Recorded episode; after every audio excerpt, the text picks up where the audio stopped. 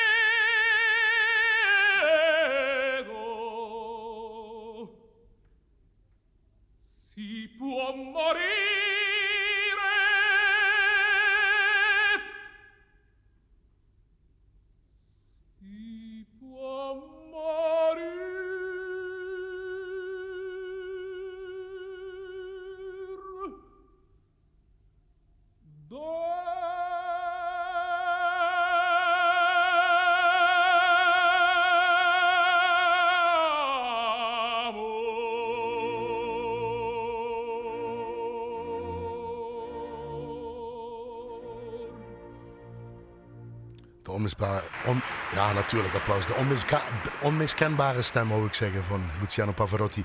Una fortiva lagrima uit L'Elysée d'Amour van Gaetano Domenico Maria Donizetti.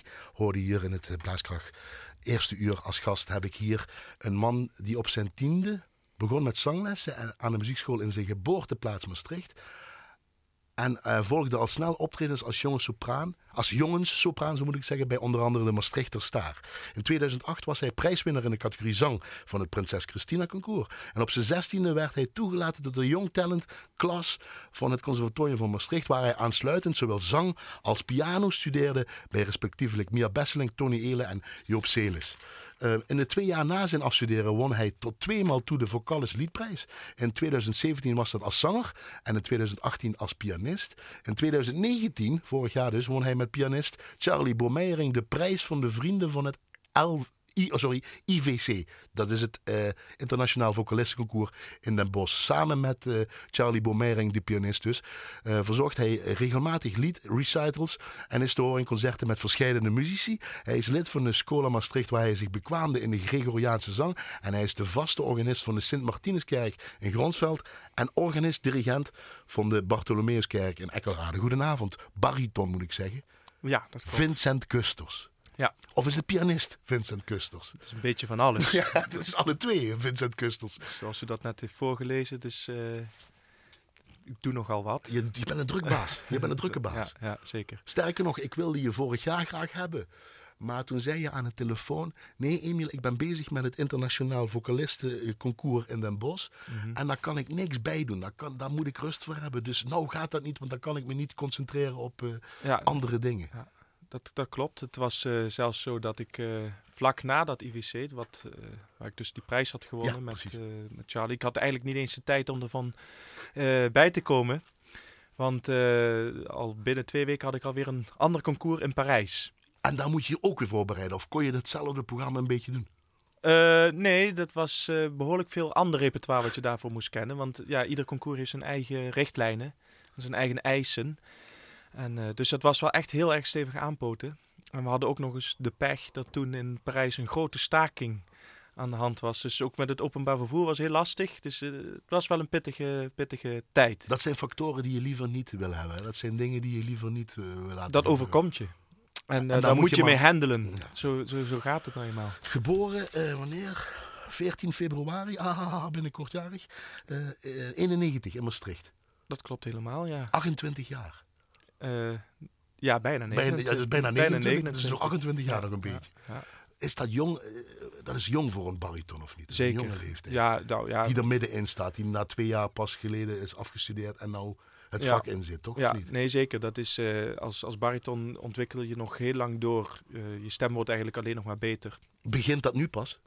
Nee, dat begint zo, zodra je eigenlijk na je stemmutatie en vanaf dan is er een ontwikkeling en die gaat gewoon door tot, tot ja, zel- zelfs nog tot je zestigste ontwikkelt zo'n stem.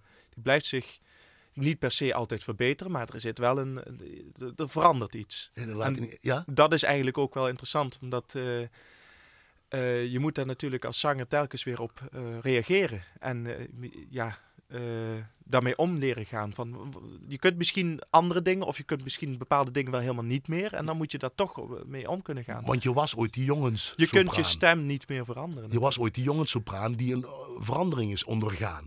Ja, ik ben ooit inderdaad als jonge sopraan begonnen.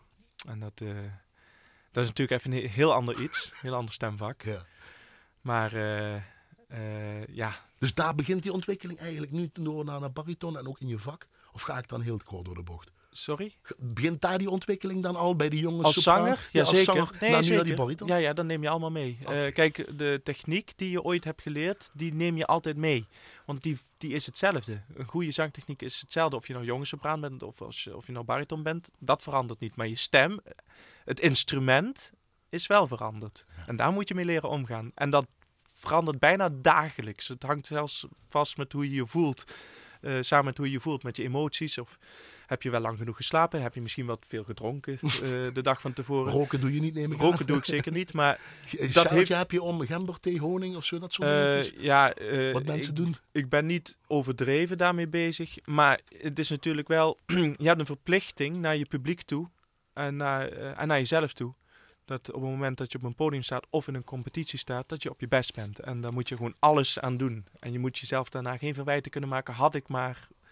Dus Had ik maar. ik dan ben had- er continu precies. mee bezig. Hoe vaak ga je naar de kerk? Ja, misschien een hele rare vraag nou opeens. Eh, maar je speelt kerkorgel, daarom vraag ik. ja, nee, ik ga heel vaak naar de kerk natuurlijk. Eh, In Ekkelrade en in... ik zit minimaal, minimaal drie keer in de week in de kerk. en dan alle- altijd achter het orgel of het dirigeren dus. Ja, altijd met muziek. Altijd met muziek te Ja, maken. als er geen muziek was in de kerk, weet ik niet of ik in de kerk had gezeten. Maar heb je dan wel iets met geloof? Zeker. Ik vind de, de kerk, ik vind het geloof heel erg interessant. En ik vind de kerk een. eh, ja, ik kwam er al als klein ventje natuurlijk al. eh gingen we op vakanties in die grote kathedralen. En dan kom je daar binnen. En het is zo mystiek. En, en, en trouwens, in Maastricht zijn we ook gezegend met twee prachtige kerken. Die, ja, die, die zie je nergens. En eh, zo'n Onze Lieve Vrouwenkerk, eh, ja, de, de mystiek die daar hangt, dat sfeertje wat er hangt. En dan, ja, je vraagt je af waarom is dat en wat zit er allemaal achter. En je gaat dat allemaal uitdokteren. En Blijft dat nog steeds? Ja, nog steeds. En mag je ook Dat wel eens op dat orgel spelen daar in die, in die kerk? Heb je dat Ja, ik gedaan? heb daar wel eens op gespeeld. Goed. Ja, Hoe, hoe, hoe tof is dat? Of hoe, wat voor... Eh, dat, is, dat is heel is dat? bijzonder. Ik vind alles wat oud is interessant. Als jonge man van 28. ja, en de, de, de, de kerk van de Onze Vrouw heeft een prachtig Severijnorgel. Daar speelt Hans Leenders normaal en eh, ik ken hem goed. En eh, ik mag van hem dan ook wel eens op het orgel spelen. En eh, ja, dat is een heel uniek en oud instrument. Dus heel bijzonder. Eh, ik zei ook een eh, opsomming in de steekwoorden. Kunstlied. Wat Ja. is kunstlied voor jou? Je bent gespecialiseerd in ku- kunstlied. Ja, voor mij is kunstlied een van de mooiste eh, genres binnen het klassieke, binnen het zingen. Binnen wat, wat je kunt brengen, want het is, het is heel verfijnd. Het is, eh, je doet het samen met maar slechts één andere persoon. Dat- dat moet dan een zanger ook zijn, of juist niet? Nee, de, de pianist, hè? Ja, precies. Ja, precies. Je, dus kunstlied is in het algemeen eh, solostem met pianobegeleiding. Meestal. Kan ook met gitaar, kan ook met harp, kan ook met een ander Ja. instrument. Maar meestal is pianobegeleiding. Ja, en dat maakt natuurlijk super intiem. Eh, intiem met de componist, intiem met de muziek, met de andere, met de, met de andere muzikus.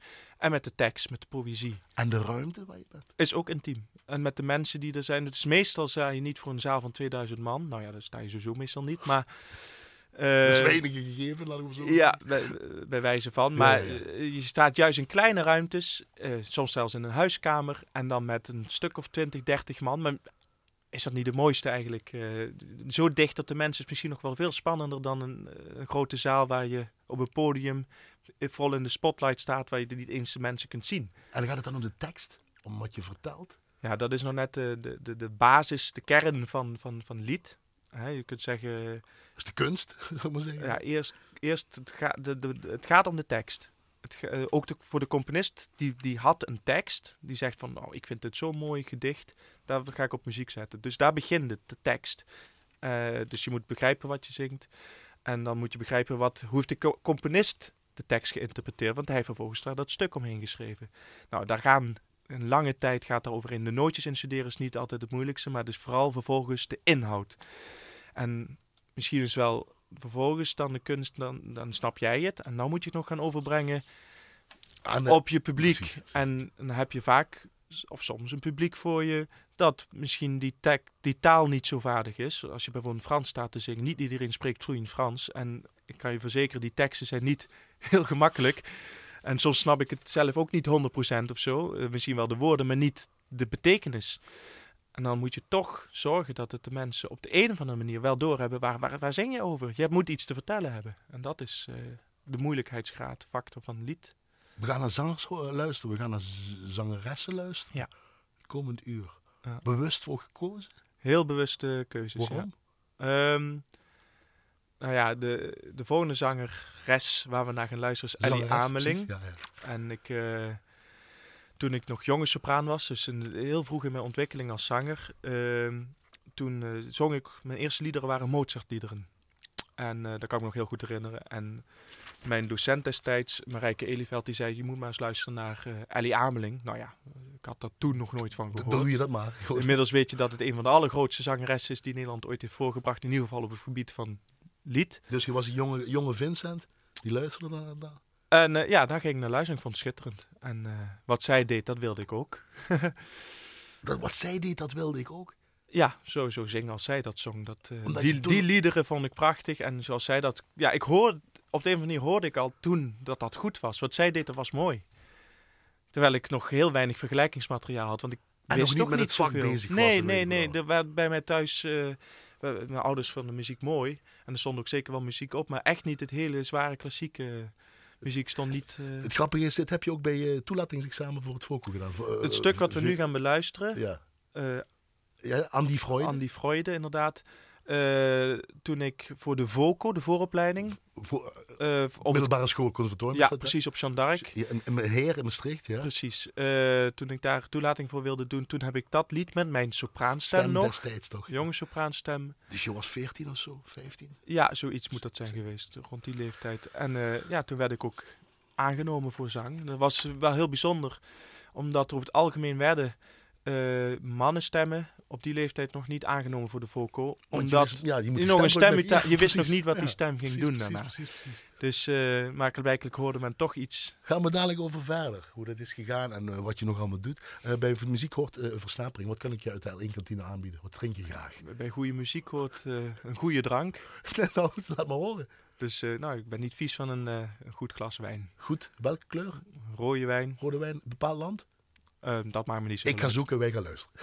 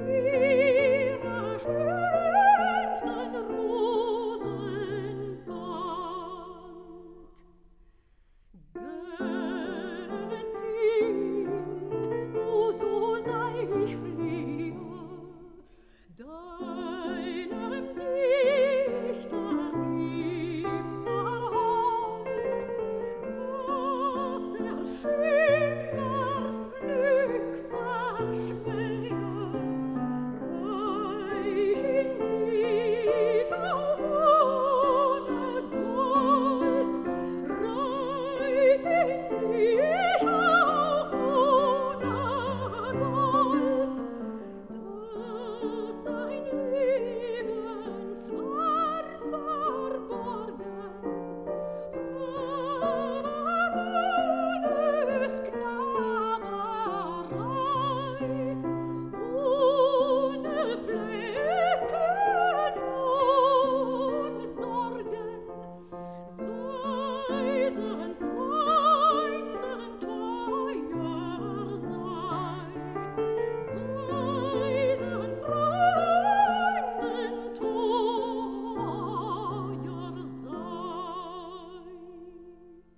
Aan die Freude, aan die Freude, zo moet ik het zeggen, van Wolfgang Amadeus Mozart. Je hoorde Ellie Amelink, eh, sopraan en piano. Dal, Dalton Baldwin, hier in het eerste uur van Blaaskracht. Met gast, eh, ja, bariton en ook pianist en ook orgel, die speelt. Maar vooral bariton, Vincent Kusters. Dan zeg je eh, ehm, bescheidenheid, zo hoor ik de Emmy Amel, eh, of Ellie Ameling. Ja, maar vooral om wat ze zegt, daar gaat het om. ja. De- Wat ze zingt, wat ze overbrengt. Precies, het gaat haar om de tekst, de inhoud van de tekst en om Mozart, in, zijn, ja, in dit geval Mozart, in zijn meest pure vorm, zoals Mozart het bedoeld heeft het te brengen. En het gaat niet om Ellie Ameling op de eerste plaats te zetten. Maar daardoor maakt het dan nou net juist zo bijzonder en zo En dat mooi. luisterde je dus als kleine kind gewoon. Ja, dit, was, eh, dit waren de eerste dingen eigenlijk waar, waar ik naar luisterde. Zing je nog wel eens Gregoriaans trouwens? Dat ik zing zeker eh, Gregoriaans. Eh, we hebben vorig jaar zijn we onder andere Met we, Ma- Eh Maastricht. School in Ja, Maastricht, precies. ja. Ehm, dus daar zijn we naar een eh, congres geweest. Eh, weet ik even niet meer waar dat was, maar prachtige abdij en zo. En eh, we hebben concerten in eh, Limburg en omgeving. Ook een pure vorm van, van zang, hè? Ja. Begin of niet? Ja, dat is nou net het, eigenlijk precies de moeilijkheidsgraad ervan. Ehm, het is, eh, hoe zou ik het zeggen, het, het is zo puur. Je kunt eigenlijk, zodra je iets wilt doen, wat wij nu als muzikaal eh, ervaren, is het eigenlijk al te veel. Want eh, eh, de, de functie van deze muziek is nooit geweest om mooi te zijn. Wij vinden dat nu heel erg mooi, maar dat is nooit de oorspronkelijke functie geweest. De functie was wederom tekst, gebed. En dat op een zo effectieve manier. Duidelijke manier overbrengen. Ja. Ja. De gedachten, de, de, Ja. de, En de teksten te kunnen onthouden natuurlijk, Precies. door om een melodie te zetten, dat je het dan makkelijker die teksten wist, te- de, al die gebeden wist te onthouden. Da dat is oorspronkelijke functie geweest. En eh, ja, eh, door dit soort dingen te doen, eh, leer je je stem eigenlijk nog beter kennen. Nog meer onder controle te hebben. Je bent pianist en je bent Bo, eh, Charlie Bomering tegengekomen. Ja. Of heb je hem gevonden of hebben jullie elkaar gezocht of overvalt je zo iemand? Omdat, je, omdat je solist bent, dan zoek je een goede Begeleider, ja, ja. ja, begeleider moet ik niet zeggen, want jullie zijn misschien evenbeelden of het is even Evenwaardig. Je evenwaardig. bent evenwaardig, Sorry, absoluut. eh, nee, even maar het heet wel natuurlijk, de officiële term begeleider, is een ja. begeleider. Maar, Maar kom, overkomt je zo iemand? Of dit is dat? overkomen, ja. ja En dat- voelt het dan goed of is dat meteen een klik? Eh, dat is dus net het geluk. Ja, dat was meteen een klik. Eh, het is zo dat ik inmiddels alweer twee, twee jaar geleden, tweeënhalf jaar geleden, wilde ik deelnemen in Zeist aan het Internationaal Liedfestival. Daar eh, als, eh, bij de masterclass. Die werd gegeven door Ellie Ameling. Kijk, dat is toch zeker Ja. En ehm, toen moest ik een pianist hebben om daaraan deel te nemen. En het was heel lastig om iemand te vinden, want ja... Want jij bent heel lastig, want je bent zelf ook afgestudeerd Nou, dat is niet de reden. Ik heb Ik zeg heel... even kort door de bocht, Nee, de advocaat van de duivel. Ja, Jij weet wat daar gebeurt en jij weet wat je wil klinken, hoe je, hoe je het wil hebben, zal ik maar zeggen. Ja. Ik denk Eh. dat het heel lastig is voor Charlie Bo misschien om met jou te werken. Ehm, Omdat hij weet, ja, je bent ook afgestudeerd. Ik denk dat het voor sommige pianisten inderdaad heel lastig zou zijn. Omdat, ja, goed. Maar eh, Jij kan aan de het andere corrigeren. kant, precies. Maar aan de andere kant, als je samen tot een goed resultaat wil komen, eh, moet dat in elke situatie kunnen. Hij moet ook gewoon tegen mij kunnen. Ook al zou hij niks van zang weten, moet hij nog kunnen zeggen: Ik vind het mooi, ik vind het niet mooi. Ja. En eh, zo direct moet je met elkaar kunnen zijn, anders heb je dan helemaal niks Zo open en bloot moet je zijn. En ik heb het geluk dat ik in Charlie zo'n partner heb gevonden. jullie kunnen alles tegen elkaar zeggen. Ja. Goed zo. Ja. Vader Peter, Kusters, moeder Constance en nog een oudere zus Lineke heb je. Ja, klopt. Die, die zingen allemaal natuurlijk. nee, geen. Geen één, hè? Nee, er zingt niemand in mijn familie. Geen muziek, eh, mu- muziek Nee, ook, hè? Ik eh, heb alleen een oma gehad die, eh, die heel graag in koren zong. Eigenlijk altijd gewoon zo spontaan zong. Maar geen, niemand heeft professioneel iets met zang gehad. Wel met piano een beetje, je moeder. Hè? Dat doet ze nou nog steeds, begrijp. Mijn moeder die heeft als kind pianolessen gehad. En ze heeft die pianolessen weer opgenomen nu. En, maar nooit, ook niet bedoeld als serieus. Gewoon fijn om te doen. Ja. ja. Ja. Je vader heeft een prachtige stem, begrijp ik wel. Spreekstem? Mijn vader een hele mooie Peter. stem. Ja, hele maar, mooie stem. maar hij zingt niet. Ah, nee. dat kan hij beter niet doen, volgens mij. Of? Eh, nou ja, of ga ik nou, ik ga nou te ver. Ik ga dat ik ga misschien wat te ver. Maar, misschien te ver. maar het was duidelijk ook zang meteen bij jou. ik Ehm, ga zingen, want waarom zingen? Eh, nou, ja, goh, waarom zingen? Omdat het, dat, dat was het meest natuurlijke. Dat, dat zit er, heeft er altijd in gezeten. Ik heb altijd gewoon gezongen, spontaan. Spontaan. Op de, ik ging schommelen, we hadden een schommel thuis in de tuin staan. En dan ging ik op zitten. En dan begon ik liedjes te zingen. En eh, urenlang, urenlang. En eh, ja, dat heb ik altijd gedaan. En iemand heeft het opgepikt. Die koren waar je... nou, ik zong heel graag. En, eh, en mijn zus... Nou, er werd op een gegeven moment op de middelbare school een koortje opgericht. Met, met de legendarische... Ja, dat, wa- dat- dat was zo, er werd toen een- vlak na de oprichting een prijsvraag uitgeschreven van eh, we moeten een naam bedenken voor dit koor. En daar heeft uiteindelijk eh, de prachtige naam Het Keurke nou, fantastisch. is daar uitgerold. Prachtig. Maar je zat En dus ik wilde heel graag eraan deelnemen, Ja. want mijn zus mocht gewoon meedoen, want Ja. zij was oud genoeg en ik zat nog niet in groep 4. Dus mocht ik eigenlijk niet meedoen. Mhm. En eh, nou ja, da- daar is een oplossing voor gevonden dat ik als ik de banken braaf neerzette voor de andere Ja, kinderen en mee afloop ook doen. weer wegzette, dan mocht ik ook meezingen. Oh.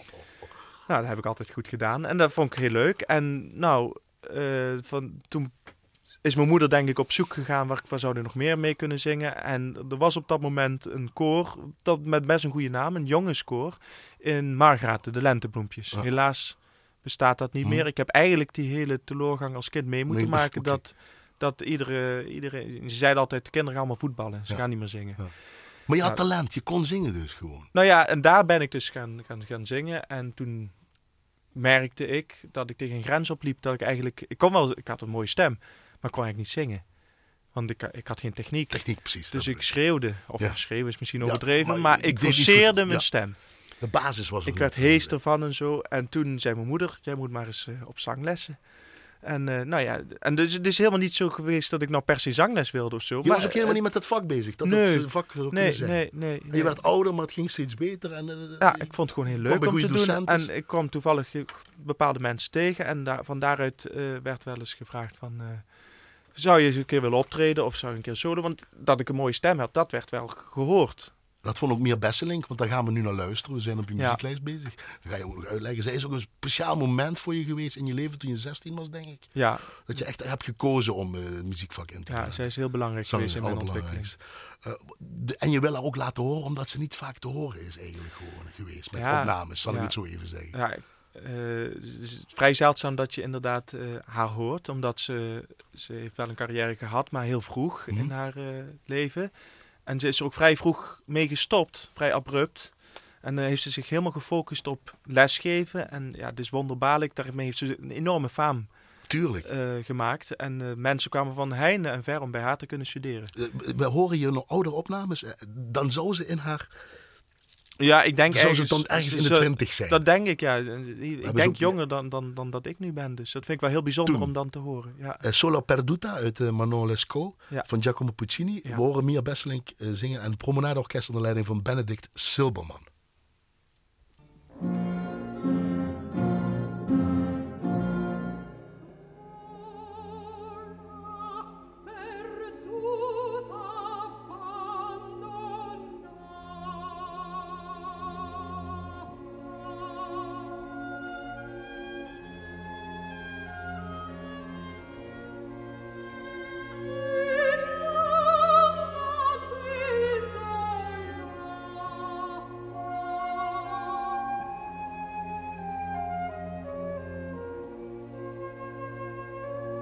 Lord.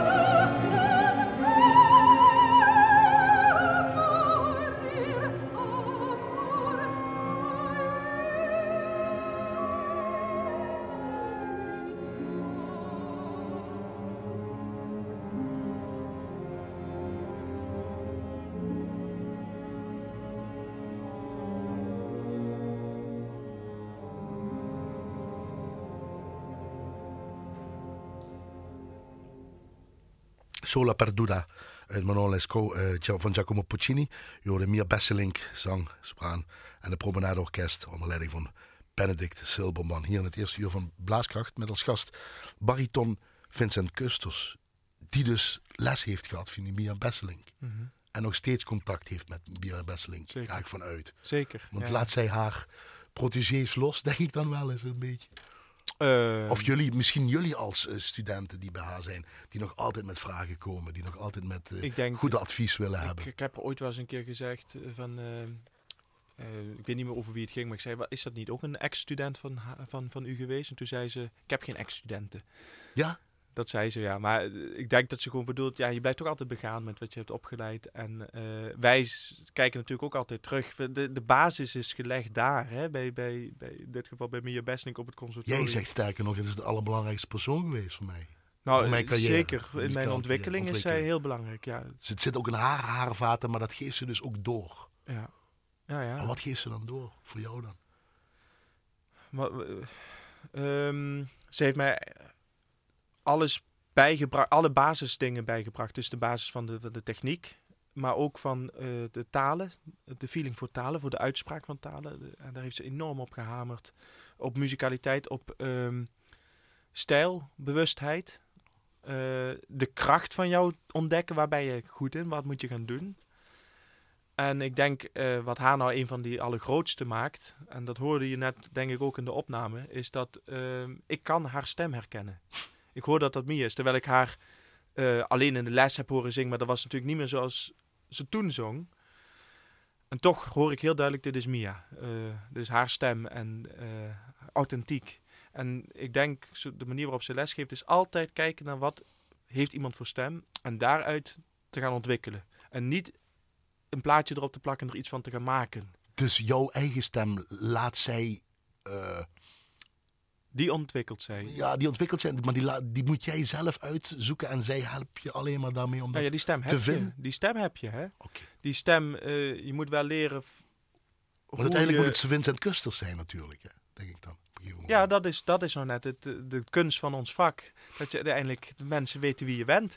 Dat zij eh, zonder jou te zien weten wie zingt. En dat hoor je bij alle opnames die, je- die je nu gaat horen van zangers die ik heb meegebracht, zijn hele typische stemmen. Die, die, die kan ik altijd horen wie dat is. Ja. Hoef ik niet voor te, te hebben gelezen van tevoren, oh die of die zingt. Dat hoor jij. Dat hoor ik. Eh, neem je dan nog altijd mee in jouw, in jouw ontwikkeling nou als bariton en hele, dus dit is zo'n lessen van Mia Besselink en Ja. van andere docenten die je hebt gehad? Ja, eh, ik denk eh, alles, iedere, vooral in die jonge jaren, hè, eh, alles eh, wat je toen hebt geleerd van docenten. En dan en hoop ik voor iedereen die dus eh, muziekles heeft, dat hij op dat moment ook een goede docent heeft. Dat zeg je. En ik heb zelf wel het gevoel dat ik wat dat betreft altijd goede docenten heb gehad. Mia Besselink bijvoorbeeld, Marijke Elieveld je? Marijke Eliveld was ook een hele goede docent. En ik heb van Gert-Jan Vermeulen pianoles Piano. gehad. Eh, eh, van... eh, Joop Joop Celis natuurlijk op het conservatorium. Maar zelfs daartussen zaten momenten, zoals toen bij de Lentebloempjes hadden we een, een, een dirigent ervoor voor staan, Guus Frissen. eh, die met zijn enthousiasme en, en zijn algemene muziekkennis en zo ook, ook heel veel wist over te brengen. En, en, dat ook, blijft ergens zitten in je hoofd. dat, dat neem je al, natuurlijk, ja. En nu ben je met Meijnerd Kraak heel veel bezig. Ja. Coacht jullie allebei, jou, met eh, pianist eh, Charlie Bomeiring en jou samen? Ja. Heel veel. ja. Ehm, eh, is, is dat dan ook ehm, dat jij al een handtekening hebt, dat jij al weet wie je nu bent? In je 28 jaar en in die concoursen die je meedoet en, en, en, die, en die, en die eh, wat je allemaal geeft? Ehm, nou, ik ben me er zelf wel, wel heel bewust van natuurlijk dat, eh, ehm, dat ik een eigen stem heb, een eigen geluid heb. Ik, ik hoef er eigenlijk ook niet veel aan te doen. Ik ben daar niet zo mee bezig. Dat, eh, ik denk dat dat er gewoon is. En waar ik vooral mee, mee bezig houd, is eh, mijn uiterste best doen om zo diep mogelijk in die muziek te duiken en in de tekst te duiken. En, eh, en daar een interpretatie aan te geven. Is dat tegenwoordig anders? Moet je anders tegenwoordig zijn als zanger dan dat het toen was? Die verhalen die je van je leraar of zo gehad, eh, gehad hebt. Dat het een andere, ja, ik wil niet zeggen business is, maar dat Nou, je meer moet hebben tegenwoordig dan alleen maar die stem en kijk, ik, het uitbrengen. Ik, weet er natuurlijk niet alles van, omdat ik toen natuurlijk niet gelezen Nee, nee, heb. maar goed, misschien die Maar verhalen je zoals ik het eh over het algemeen eh, begrepen heb, is dat het toen eh, in, in die zin makkelijker was. Er waren nog niet zo ongelooflijk veel muzici bezig. En dus, dus je stak eerder je kop op. Je werd, eerder herkend. En je kreeg toen ook, omdat het begin tijdperk was van de opnames en van de Tuurlijk, platen, tuurlijk, tuurlijk. meer kansen om, om opnames te maken. En als je in die tijd opnames kon maken, platen had, dan werd je ook beroemd. En eh, dat is nu allemaal zo veranderd met de tijd van YouTube en Spotify. Dus jullie jongere garden hebben er profijt van dat die opnames er zijn. Dat je kan luisteren, dat je kan ontdekken. Tuurlijk, daar hebben we heel veel profijt van. En gelukkig, er zijn nu ook goede opnames. Maakt niet uit of nou oude opnames. We hebben er allemaal van geleerd. Eh, En wat neem je dan mee van zo'n ander iemand? Van zo'n andere bariton? Of zanger? Of Ehm, zangeres? Ja, ik heb zeker mijn, mijn grote voorbeelden. Hè. Daar gaan we straks ook naar Nou, zo luisteren. meteen gaan we naar luisteren bijvoorbeeld. Dietrich Dietrich Fischer-Dieskau. Fischer-Dieskau. Vind ik Dat heel is voor mij, wat betreft het Duitse lied en ook Frits Wunderlich gaan we ook nog naar luisteren. Wat betreft Duitse lied en opera. Voor mij zijn dat echt grote inspiratiebronnen. Wat leer ik daarvan? Gewoon heel veel verfijning, tekst, uitspraak, hoe zij een lied hebben geïnterpreteerd, het tempo dat ze pakken. En dan kun je wel er mee eens of oneens zijn, maar dat, dat is nou net het leermoment. Als je het eens bent, dan neem je het over Precies. als je het ermee oneens bent, dan heb je erover nagedacht en dan, dan besluit je bewust om het anders te doen. Wat heeft die Fischer Disco dan, wat we zo gaan horen? Het Kernerlieder Ja, van de, Robert Schumann. eh, Stille Trainen. eh, je bedoelt, wat is zijn speciale Nou, kwaliteit? waarom je dit hebt uitgekozen? Dit lied. Ehm, ik heb het afgelopen jaar, eh, en nog steeds eh, voer ik de Kernerlieder met regelmaat uit. Het is een hele indringende cyclus van eh, Schumann. De dichter Justus, Justinus Kerner is dat, ja, hè? ja, ja. Het is eh, een heel indringend. eh, ja, het is niet echt een verhaal in die zin. Maar de gevoelens die tot uiting worden gebracht zijn heel indringend. En ja, dus bijna zelfs voor mij nog steeds moeilijk.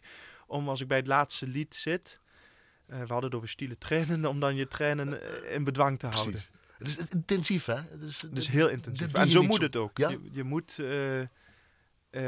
ook als je opera zingt of wat dan ook, moet je er zo diep in gaan dat je zelf eigenlijk niet ongeroerd blijft. Zullen we naar Fischer Disco gaan luisteren? Lijkt me een goed plan. Stille train.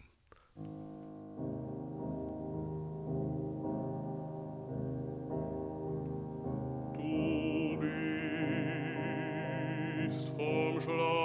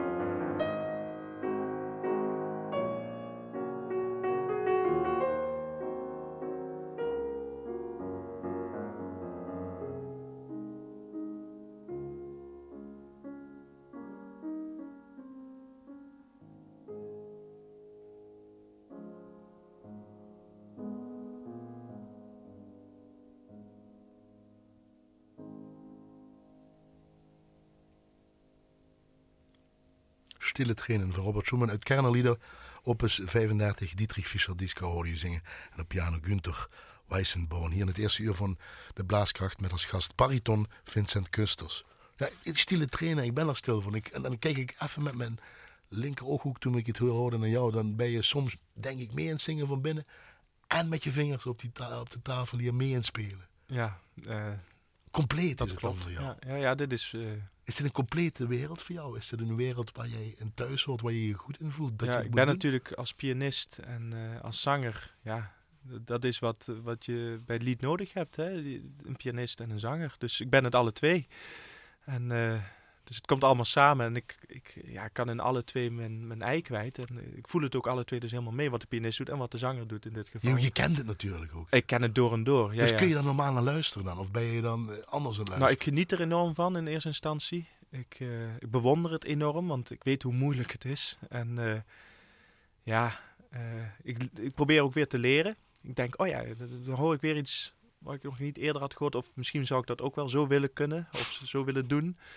Dus eh, ja, Ja, je bent streng voor je eis. Nou, laat ik het anders zeggen. Je eist nogal veel van jezelf. Je legt de lat heel hoog, hè? ja. Achter die komma. Ja, ja. En alles wat je doet. En alles wat ik doe? Je hebt ook niks van jezelf hier op de lijst gezet. Nee. Dat wilde je niet. Nee, ik... eh, Bewust ook. Dat is wel bewust, ja, ja. Eh, ik denk dat er opnames van mij zijn die zijn best, best goed. Maar, maar dan moeten mensen helemaal zelf dan bepalen of ze daar eh, wel- welke opnames ze dan willen horen en eh, wat ze dan of ze het goed vinden of Want zo. mensen zijn benieuwd hoe jij klinkt nou natuurlijk. Dat begrijp ik heel goed. maar eh, goed, er zijn tegenwoordig mogelijkheden als YouTube en zo. Je kunt me zo vinden en beluisteren. En ik, er zijn ook opnames gemaakt. voor En ze moeten naar je concerten komen. Dat wil je natuurlijk ook zeggen. Nou, dat zou heel mooi zijn. En eh, jullie hebben opnames gemaakt vorig jaar eh, bij eh, Stemmig Maastricht van Maastrichtse Dus ze componisten. moeten gewoon jou googlen. En, ze- en dan kun je me vinden. dan mag je zelf kiezen. Dat is wat je eigenlijk ermee bedoelde. Je wilde niet iets opdringen. Nee, Wat is de definitie? Wat is jouw... Laat ik het zo vragen. Laat ik het dan toch maar een schone schoolkant vragen misschien. Maar ik vind het toch wel belangrijk. Wat is jouw definitie van zingen? Je bent 28, je bent hier in Limburg. ja, Doe dan concoursen mee. Je hebt gestudeerd in Amsterdam en in Utrecht. ja, de- Wat is jouw definitie van zingen, Vincent? het is natuurlijk een eh, hele moeilijke vraag. Ehm, ik denk eh, wat nou net zingen zo mooi maakt. Het komt sowieso. Het ligt heel dichtbij je. Hè? Het, zit, het komt uit je ziel. Het komt uit je lijf. Het zit in je lijf. Terwijl de andere instrumenten zitten buiten je lijf. Maar dit zit in je lijf. Ehm, en dat je dan met die menselijke stem, met jouw klank, iets kan doen dat mensen zo mooi vinden of zo raakt.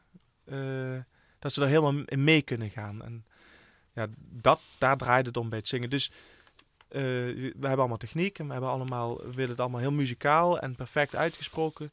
En uiteindelijk draait het erom dat we met die stem iemand weten te raken. Dat is het aller, allerbelangrijkste. En dat, eh, daar gaat het. Dat is zingen voor mij. Wanneer is dat dan? Als je ze ziet eh, reageren op je? Of als er iets gebeurt? Ja. Of, Dat is voor iedereen natuurlijk ook weer anders. Sommige Ja. mensen gaan huilen. Ja, maar voor jou?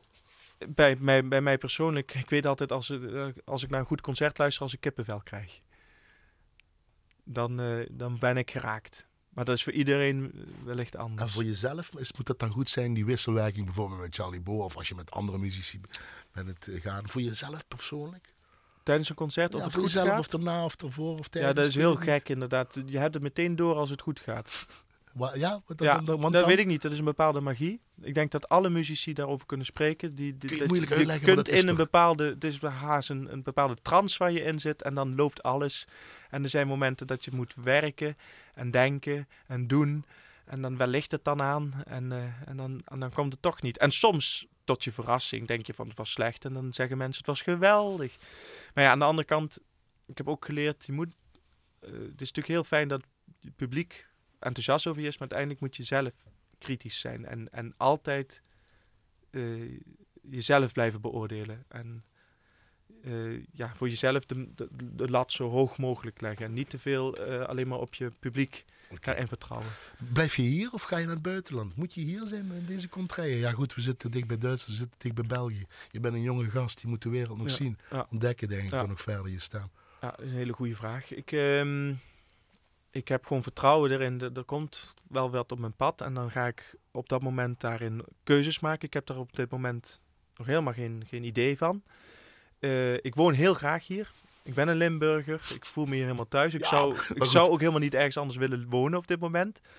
En vanuit deze positie, zolang dat kan, en ik mijn concerten kan blijven doen van, vanuit waar ik nu woon, wil ik dat ook blijven doen. Ook die concoursen dus? Ja, ja, ja. Dat, dat, Ja, maar dan toch dat kun je ik, allemaal inplannen. Maar dan hè. toch denk ik, je moet daar zijn waar het eh, ook gebeurt, zal ik maar zeggen. Waar je nog dichter bij het vuur bent. Ja, en Zo'n jong iemand. Nee, maar goed, dat moment moet er wel zijn. Hè. Eerst moet dat moment komen, dus dat ik eh, eh, op dat soort podia eh, terechtkom. En dan ga je afwegingen maken. Is het nog te doen? Is het te combineren? Frits Wonderlich.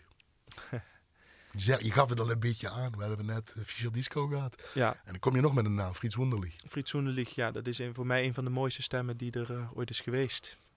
Dat bij Frits Disco ook bijna, zoiets. Maar dat is weer anders, hè? Het Zo is heel zeggen. anders, ja. Die, eh, Disco is, naast dat hij gewoon een hele prachtige stem heeft, is het ook zijn perfectie in zijn afwerking. En Wonderlich? zijn interpretatie en wonderlich. Ja, zelfs al zingt hij iets niet perfect, vind ik het nog wonderschoon. Gewoon omdat hij zo'n... Ju- Juist daardoor? eh, zijn imperfectie maakt hem perfect. Ja, in een bepaald opzicht wel. Menselijker misschien maakt hem dan. Ja, het heeft, het heeft altijd een bepaalde menselijke warmte, charme. Omdat hij, ja, ook in zijn stem, ik weet niet wat het is, er zit iets in, doorheen. Daar klinkt iets doorheen wat, wat gewoon heel menselijk is. En dat raakt mij iedere keer. We moeten het gewoon horen.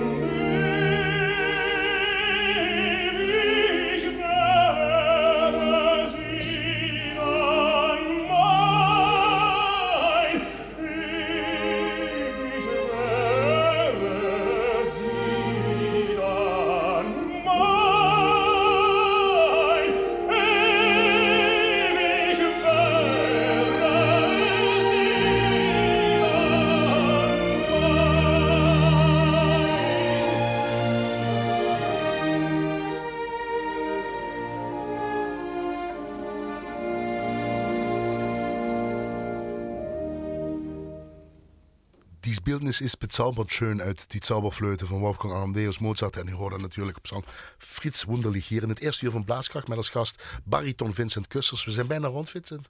Ga je nog ook opera doen? Sorry? Moet je ook ooit nog eens opera doen natuurlijk? Ja, ja uiteraard. Naast die liederen, recitals. eh, deze mensen die ik als voorbeeld heb laten horen, dat, dat zijn niet voor niets voorbeelden, want ze waren allemaal allround. En, dat is wat ik ook heel graag wil Je zijn. gaat de, de, nog eh, concoursen doen dit jaar. eh, Zwickau, eh, Eh, ja, Duitsland ergens. Dat is wel de, de- dat staat allemaal in de planning, ja. De planning. eh, opera moeten ze in de planning. Ja. Mensen kunnen je zien op verschillende eh, Ja, ja. concerten. Ja. Check Vincent Kunsters overal. We eindigen dadelijk met Kadish eh, van eh, Maurice Ravel. We, horen dan op zang Meinert Kraak. Dat is je coach nu waar je veel mee werkt. Op dit moment waar je veel dingen mee doet. En op piano Irving Gage. In ieder geval. ehm, dat tot het einde. We hebben nog een cultuurtip en een muziekgedachte. Cultuurtip. Dat is een, een algemene cultuurtip. Ja, een algemene cultuurtip inderdaad. In plaats van een concert of een boek of een film of zo. We leven nu in een tijd dat concerten vaak minder goed bezocht worden. Maar ik denk wel dat eh, je ziet juist ook heel veel initiatieven van, eh, van kleinere eh, eh, hoe zeg je dat, instanties, instellingen, die eh, het mogelijk maken om klassieke muziekconcerten eh, te organiseren en waar, waar- mensen naartoe kunnen komen. En ik denk, Die ik wil zo zien, iedereen, die we niet zo in de picture Precies, en ik wil iedereen oproepen die van een beetje van muziek houdt, ga daar naartoe. In jouw omgeving is vast ook wel een, een, eh, een organisatie die dit allemaal mogelijk maakt. Dus let daarop. En ik, ik noem een paar, een paar voorbeelden. En ik, eh, als ik je niet noem, als ik, dan betekent dat niet dat dat, heeft verder noem ze geen, geen betekenis. Eh, zoals voor Festival Vocalis is al een keer ge- ja. gevallen. En eh Christijn bijvoorbeeld in eh IJsden Ja. Doet ook hun best. Waar zelfs hele grote namen naartoe gaan eh, om uit te voeren. Dan moeten daar ook mensen naartoe komen. Dat is Ja. heel belangrijk. Peter Kale met zijn excellent concert. Precies, eh, ook zo'n voorbeeld. Maar je hebt ook wat grotere festivals, zoals eh, in Zeist, het, het Internationaal Liedfestival.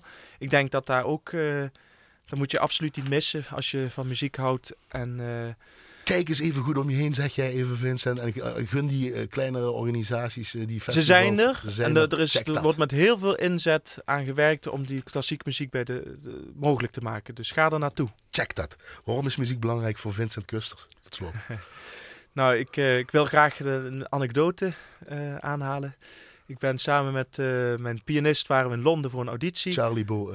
Precies, Charlie Meijering. Bo Meijering. En toen liepen we daar, ik weet nog heel goed, voor St. Paul's Cathedral. En eh, we zeiden tegen elkaar, ja, wat een geluk dat we muziek maken, want wat, wat hadden we anders? Dat is voor ons het enige dat, dat zegt het- al genoeg dat gewoon. ertoe doet. Dat je dat mag doen en dat je daar dan bent. eh, Ja. Waar dan ook, zal ik maar zeggen. Absoluut. Te gek, dankjewel dat we je stem mochten horen. Eh, Vincent Kusters, tof dat je een muzieklijst hebt laten horen. En maak er wat van. En ja, tot op een concert. Ga dat checken, mensen. Vincent. Kusters is eh, niet zomaar iemand, laat ik het zo zeggen. We eindigen zo meteen met Kadish. Maar van collega's Frank Ruber en Joost Smits moet ik altijd vermelden wat er in een komend uur een blaaskracht te horen is. En als zij dat zeggen, dan doe ik dat ook. Namelijk eh Cecile Huinen, viool en Marieke Hopman op accordeon. Eh, en Cecile Huinen komt oorspronkelijk uit Heerlen en het Nederlands Blazersensemble. Klopt dat dan net? Ze knikt. Dus als net dat zegt, dan is dat ook goed. Anders check even alleen.nl, schuine streep, blaaskracht, dan vind je alle informatie. Annette, dankjewel weer voor de techniek. Nogmaals, Vincent Kusters, dankjewel. Tof dat je hier was. Goedenavond. En u de luisteraar aan de andere kant van de radio. Maak er een toffe avond van, want dat heeft u verdiend. En een nog toffere week. Dagjes.